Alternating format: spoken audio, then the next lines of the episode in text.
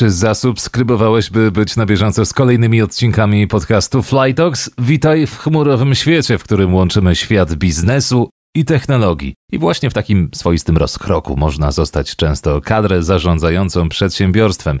Dzisiaj zabieramy się za zaplecze technologiczne firmy oraz to, jak potwierdzić swoje kompetencje. A naszym gościem będzie osoba piastująca stanowisko CTO w firmie, która jest partnerem w podróży do Google Cloud, firmie FOTC.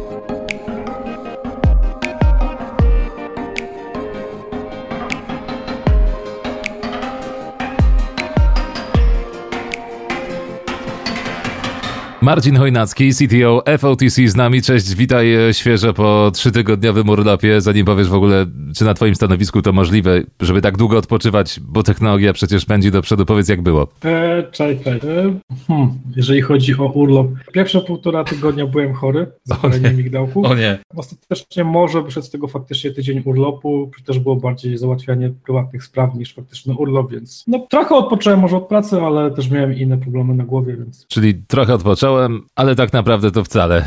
E, klasyka. Słuchaj, bycie CTO zobowiązuje, jesteś człowiekiem, który w firmie jest najbliżej technologii, ale czy wolałbyś zostać przy angielskim CTO, czy jak ktoś cię po naszemu nazwałby dyrektorem do spraw technologii, to czy to też byłoby ok? E, ojej, jest mi to w sumie bardzo obojętne. E, Nie chciałeś być dyrektorem? Trochę się nie czuję takim dyrektorem. Dyrektor mi się kojarzy z czymś takim, że osoba w garniturze, mm -hmm, trochę on, Nie jestem taką osobą, lubię chodzić w bluzie z kapturem i dyrektor to mnie troszeczkę wydaje mi się, że nie pasuje. To chyba w ogóle domena firm technologicznych, że gdy po pandemii zwłaszcza wracasz do biura, y, jeśli jest to dla ciebie też nowa firma, to patrzysz po ludziach, załodze, nie jesteś w stanie albo w ogóle po wyglądzie odróżnić CEO od stażysty. Czasem właśnie nawet stażyści bardziej się starają przychodząc y, pod kołnierzykiem, sprawiają właśnie mylne wrażenie. Ale y, do brzegu, czy twoim zdaniem Chief Technology Officer, CTO, może oznaczać zupełnie inne stanowisko w różnych firmach? Wydaje mi się, że tak. E, tak patrząc nawet po software house'ach, najczęściej są to osoby z backgroundem, e, które były deweloperami. W przypadku e, FOTC jakby nie mamy takiego skupienia na deweloperach, bardziej mam obsługę klienta. Nie ukrywam, że tutaj wiedza jako taki administrator systemów jest dla mnie użyteczna z perspektywy choćby GCP czy Workplace'a. Natomiast prawda jest taka, że stanowisko CTO wydaje mi się, że jest zależne od firmy, bo tak naprawdę na końcu ta osoba ma spinać i tech, i biznes, i być tym łącznikiem, więc umiejętności, które ona posiada, w wielu kwestiach są różne w innych firmach. Tak? Jakby są te wspólne elementy, czyli zarządzanie ludźmi, rozumienie biznesu, e, jego potrzeb, natomiast od strony technicznej, w mojej opinii, to jest, tak patrzę po prostu po innych, to wygląda totalnie różnie. To jak bardzo musisz być blisko CEO, głównego zarządzającego? Oj, e, tak, jakby e, z jednej strony mam dużo jakby e, rozmów i współpracy z naszym CRO, e, ponieważ on odpowiada za sprzedaż, natomiast współpraca z CEO jest e, bardzo intensywna, to jednak z nim jakby ustalam czasami i potwierdzam moje plany co do rozwoju od strony techu, e, weryfikuję, czy na pewno moje, moje spostrzeżenia i sposób myślenia pokrywa się z tym, co ostatecznie E, chce firma, czy nie ma nigdzie rozjazdu, czy razem wspólnie idziemy w tym samym kierunku i realizujemy nasz wspólny cel. Więc tak, jakby spotkań z, z prezesem mam całkiem sporo, sporo też takich rozmów, też cennych często uwag y, takich rozwojowych, w jakim kierunku iść, co jeszcze ewentualnie można poprawić, gdzie mogę jeszcze rozwinąć swoje kompetencje właśnie od strony e, menedżerskiej. Współpracy jest dużo. A Marcinie, to ty też jesteś tą osobą, która mówi o nowych zabawkach kosztownych, o nowych technologiach, które trzeba wdrożyć, albo o, o rzeczach, które trzeba by kupić i, i czasem prezes ma z tego tytułu no nie dodać zgryzotę, czy inwestować, czy nie? To jest to, trochę taka rola CTO?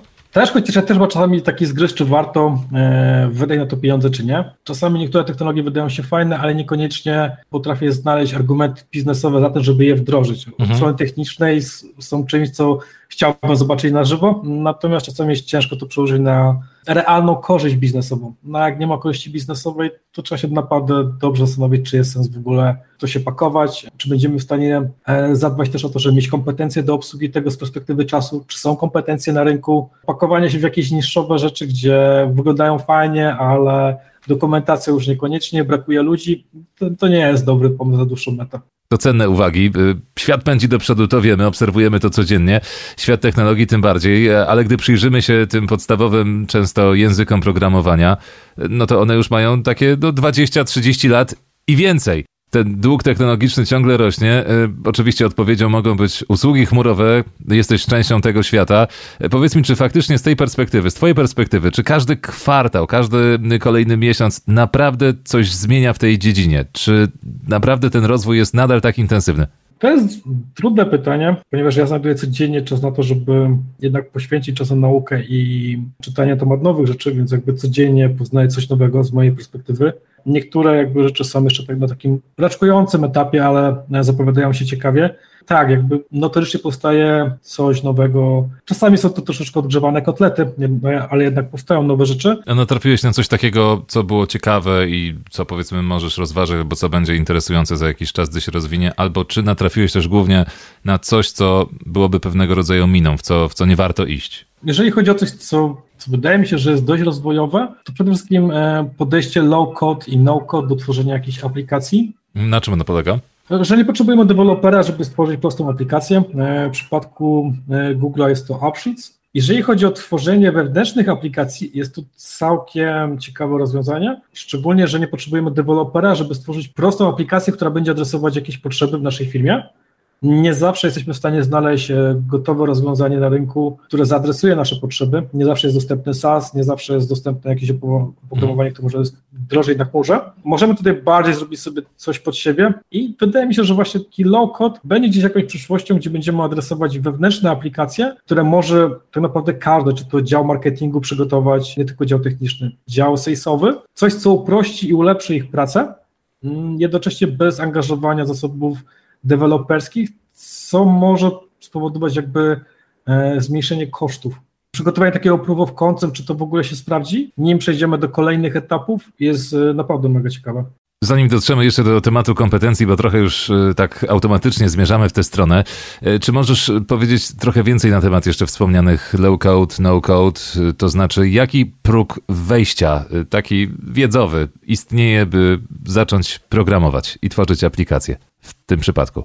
E, tak naprawdę każdy może zacząć. Próg wejścia jest bardzo e, niski i mało techniczny. E, dosłownie ty mógłbyś usiąść i w bardzo krótkim czasie wyklikać sobie aplikację, którą potrzebujesz, ponieważ musisz tylko łączyć elementy i na końcu dopisać sobie jakieś zachowania, które chciałbyś mieć. Brzmi przyjaźnie. Myślę, że mogłeś teraz zachęcić parę osób do wewnętrznych testów. Myślę, że właśnie świat programowania będzie zmierzał w stronę takich platform i także programowania wizualnego, bez brzmudnego dopisywania kodu?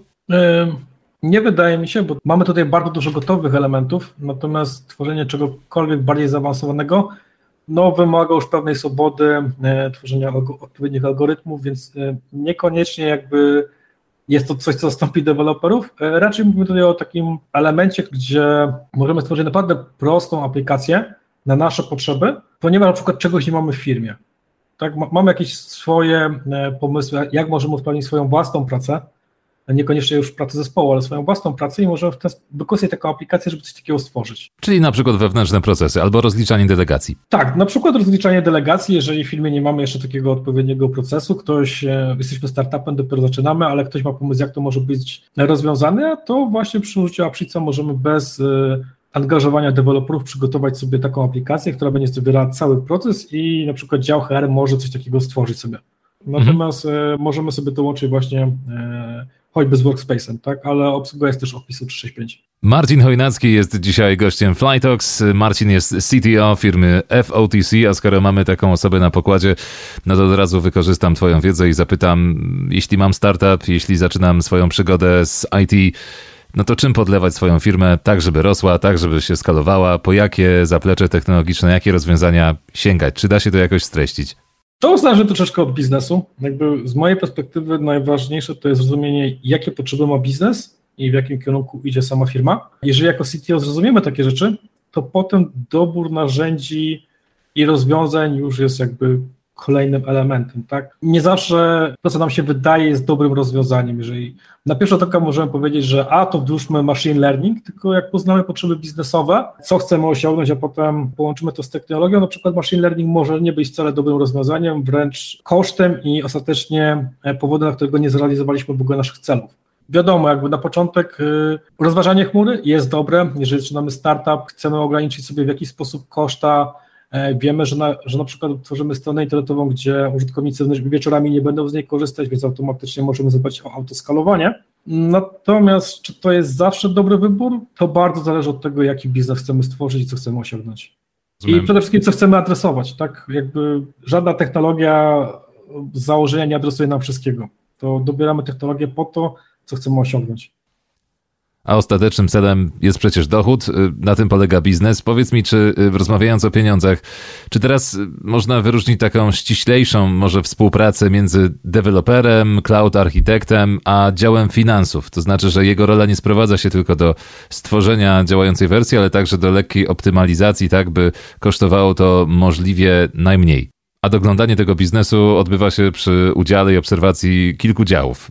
Pytanie, czy tak jest? Trochę tak i trochę nie. Jakby na mhm. końcu mm. tym wszystkim jest zawsze biznes i on widzi, obserwuje, e, jakie mamy e, wykorzystanie, ile za to wszystko płacimy, a jaki realnie mamy nad tym zarobek i zysk. Zależy, jak jest podział firmy, tak? Jeżeli mamy cloud architekta, który faktycznie dba e, o całą infrastrukturę, to on wszystkiego e, dogląda, to on narzuca jakieś warunki, to rola dewelopera podpowiada się tego, żeby przygotować odpowiedni kod. Robimy automatyzację wszystkich wdrożeń i aktualizacji, i jakby nad całością czuwają e, osoby, które się specjalizują właśnie w pilnowaniu tej infrastruktury. Zresztą od tego też, co wybierzemy, tak, no bo jakby zależności od dokładnych usług, które dobieramy, możemy sobie ograniczyć ten budżet, który wykorzystujemy na zasoby ludzkie, a więcej na automatyzację. To jest bardzo kwestia indywidualna od naszego, zależna od naszego projektu i tego, co realizujemy. Natomiast no, jakby na sam koniec robi się to całe podsumowanie, ile wydajemy na clouda, no i ile tak naprawdę zarobiliśmy na tym, tak? Gdzie należy robić optymalizację. Tym bardziej, że czasami też dobrym e, rozwiązaniem jest zrobienie krok wstecz i przeanalizowanie wszystkiego, co mamy już wdrożone, czy faktycznie to potrzebujemy, czy na przykład za środowiska testowe nie przepłacamy niepotrzebnie, bo działają w godzinach, w których nie ma kompletnie na to potrzeby, typu weekendy, gdzie nikt nie pracuje i te środowiska faktycznie tylko generują nam koszty. Z tym jest różnie. Biznes na końcu dostaje już końcowe kwoty i rozbicie na co, kiedy, który element, ile nas kosztował, Natomiast tak powinien też zadbać o to, żeby jednak przeanalizować, gdzie dokładnie te pieniądze lądują i czy zasoby nie są po prostu e, źle wykorzystywane i przez to nie są przepalane pieniądze na clouda. Bez pieniędzy nie ma biznesu, bez biznesu nie rozmawialibyśmy też tutaj. To prawda. Do zdobycia na takie testy, trochę by sprawdzić, e, jak wyglądają usługi Google Cloud, platform oraz e, wszystkie towarzyszące. Do zgarnięcia są 500 dolarowe vouchery dla każdego, kto chciałby potestować tego typu usługi. Na co ty byś je wydał, gdybyś mógł się za te 500 dolków pobawić? To co by to było? To jest trudne pytanie na tym etapie. Jeżeli miałbym być tak naprawdę szczery, chyba bym głównie interesował się pasem i Firebase'em. Patrząc stricte podprodukty, jakby wszystko, co dotyczy mobilek i platform as a service, w moim takim odczuciu. Czyli nie kopanie kryptowalut, okej. Okay. E, zresztą w chmurze to jest niemożliwe i zakazane. E, jeśli ktoś interesuje się tematem 500 dolarów, które można otrzymać w ramach vouchera na testy dowolnych usług Google Cloud Platform, proszę skontaktować się z FOTC. Rozumiem, że by wykorzystać te środki nie trzeba mieć żadnych certyfikatów Google, choć z drugiej strony warto, bo one akurat świadczą o pewnych kompetencjach i Google stawia na edukację i oferuje bardzo wiele różnych ścieżek rozwoju, ścieżek potencjalnej kariery. Akurat muszę to podkreślić bardzo wyraźnie powiedzieć, że Marcin Chojnacki na pokładzie swojej firmy jest pierwszą osobą, który, która zdobyła wszystkie certyfikaty, a drodzy Państwo, to jest no, niemałe osiągnięcie, bo te egzaminy nie należą też do najłatwiejszych. Więc wielkie brawa dla Ciebie i słowa uznania, trochę jak w japońskim anime. Jak udało Ci się zebrać je wszystkie? E, tak, to prawda. Dzięki, aczkolwiek tutaj taka e, mała korekta, że jak zawsze wszystko się zmienia, więc to już jest tak nie do końca aktualne, ponieważ pojawiły się już nowe certyfikaty. Wow. Nie mam wszystkich. E, Okej. Okay. Wiem, że udało mi się zebrać chyba wszystkie profesjonale. To jeszcze tak trochę do niedawna. Jak ci się to udało? Szczerze, jakby na początku to była dość ciężka dla mnie ścieżka. Głównie tego, że uczyłem się clouda, jakby tam dużo było eksperymentowania, szukania sobie tych materiałów, tego wszystkiego. Dziś jakby patrząc z perspektywy dość długiego czasu mojej współpracy z FOTC, już ponad 5 lat, e, mają dzisiaj tą wiedzę, jeszcze nie do końca poukładaną e, i już wiem, co bym zrobił kompletnie inaczej, żeby skrócić ten czas.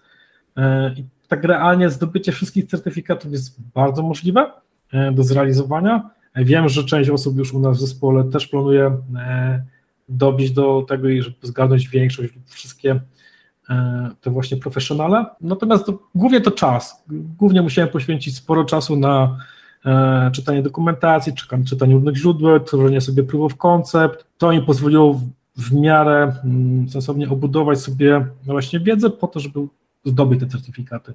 Czym one są? Dlaczego w ogóle warto się nimi interesować? Co certyfikaty Google mogą oferować na rynku pracy? Mogą na co przekładać się dokładnie w firmie? Przede wszystkim brakuje na rynku specjalistów e, cloudowych i to nie tylko z GCP.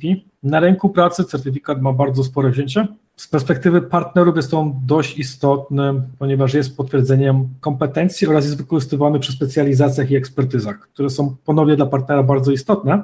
Na pewno warto się nimi interesować, warto dobierać sobie ścieżkę, tworząc ścieżkę kariery, warto też e, uzupełniać o certyfikaty. Dość dużym błędem, który niektórzy popełniają, jest skupienie się tylko na certyfikatach, a potem braku wiedzy praktycznej lub wyłączenia się głównie pod e, certyfikat. Na rozmowie czasami to potrafi wyjść, że ktoś e, jakby nie obudował sobie tej wiedzy, to naprawdę ma tylko certyfikat, a nie ma już samej takiej wiedzy, którą może praktyce wykorzystać przy pracy z klientem. A czy temu służy tylko doświadczenie zawodowe? Czy są jakieś warsztaty oferowane po stronie Google'a albo coś, co sprawi, że będziesz jeszcze praktykiem, oprócz oczywiście certyfikowanym inżynierem? Faktyczną praktykę można tylko realnie zebrać pracując e, na projektach z klientem.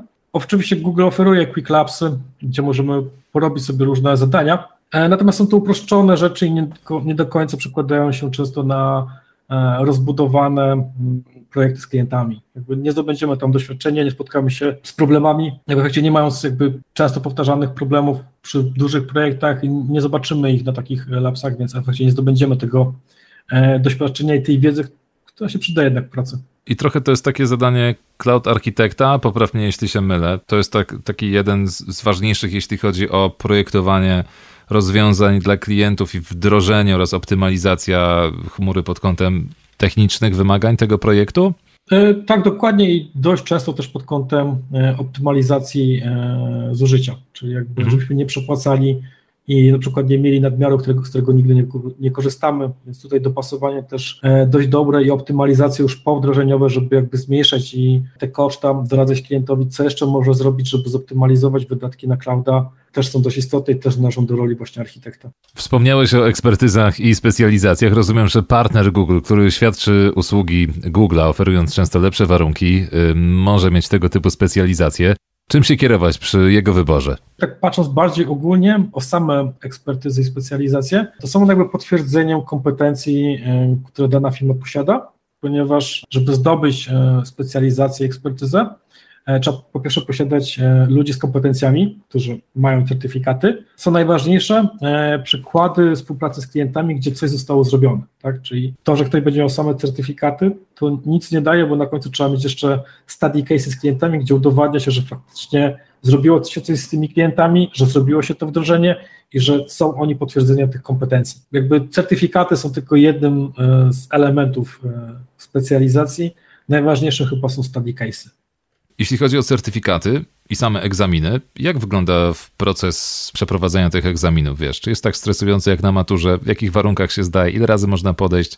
Jaki jest próg zdania testu? To przede wszystkim. Możesz nam to jakoś nakreślić? Jasne, jeżeli chodzi o próg zdania testu, nie, nie mam pojęcia. E, jakby wynik się kończy tylko e, informacją, że albo zdany, albo nie zdany.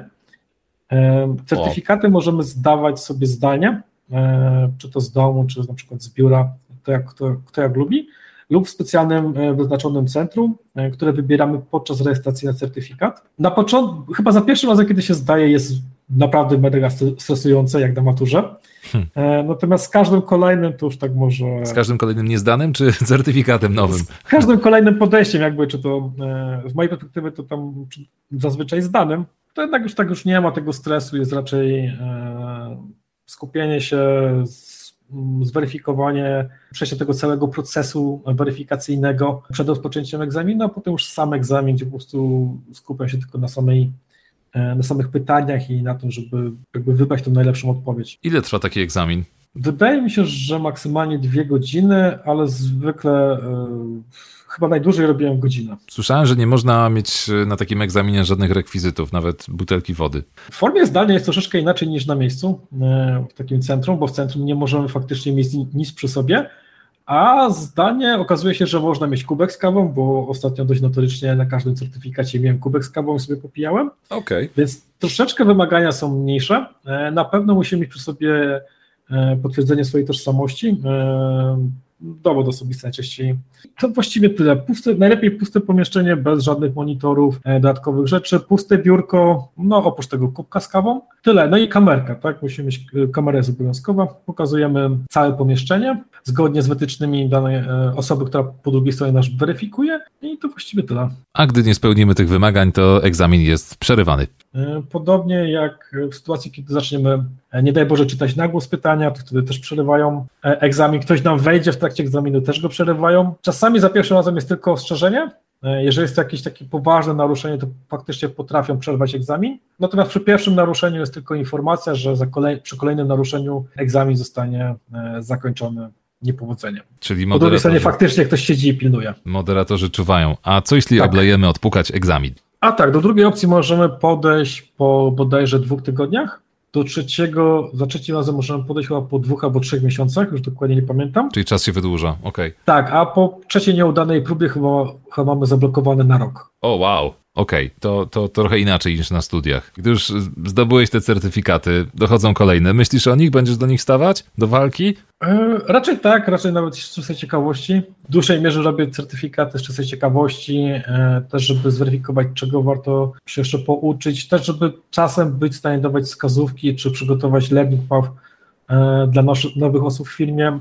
Nie ukrywam, że to bardzo pomaga, kiedy wiemy, co jest w ramach takiego certyfikatu, na czym się skupiasz, czego to wszystko poskładać.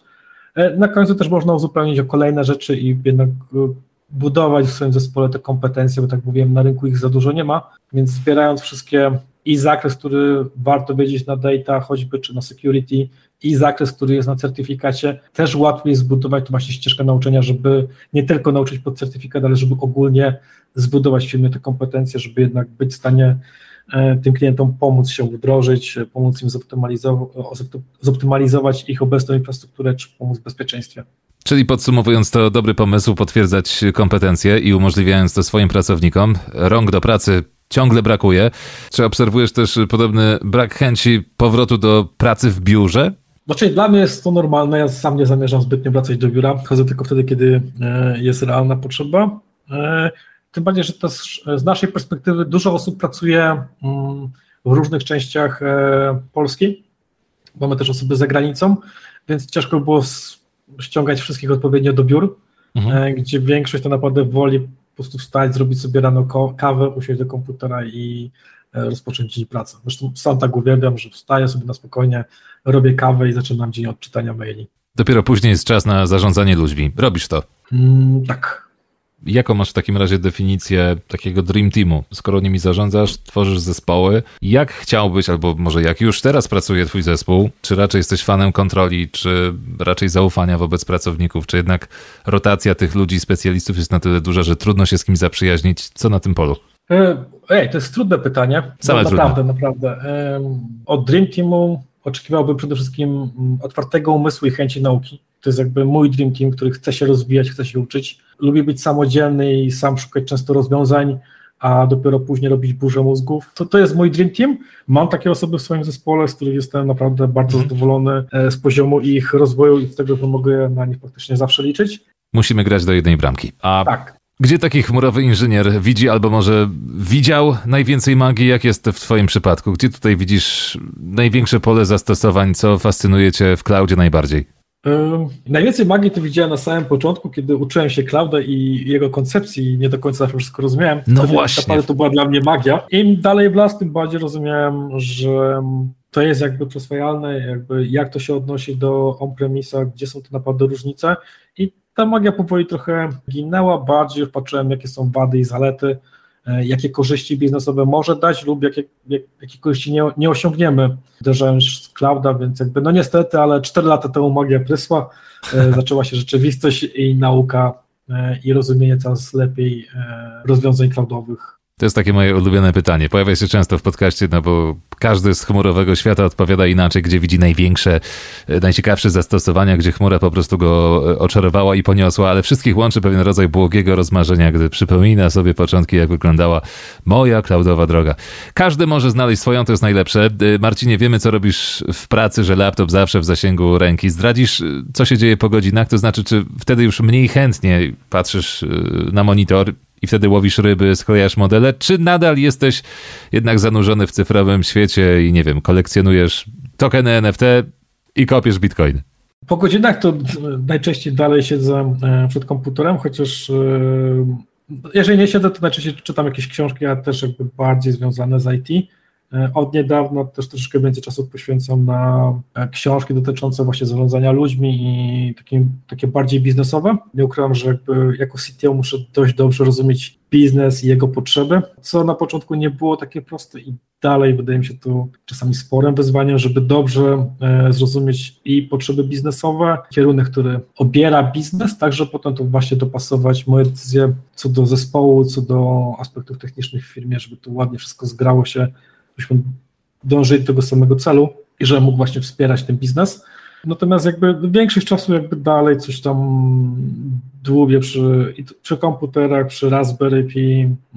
Jeżeli coś mnie zaciekawi, to lubię sobie robić proof of concept, jakieś prototypy. To mi się nie zmieniło tak naprawdę od dziecka, bo od dziecka siedziałem przy kompach i do dziś mi tak zostało. Fajnie słyszeć taką miłość do technologii, ale z tego co mówisz jeszcze płynie taka jedna nauka, że jeśli komuś wydaje się, że na takim stanowisku jak CTO nie trzeba nadal żmudnie się edukować, no to jest w wielkim błędzie.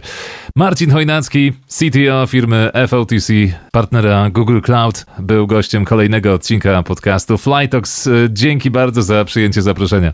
E, również dziękuję, Konrad. Kolejne rozmowy i przygody ze świata technologii i biznesu przed nami. Subskrybuj, by być na bieżąco z kolejnymi odcinkami. Wejdź na stronę fotc.com, by dowiedzieć się więcej o chmurowych rozwiązaniach. Do usłyszenia.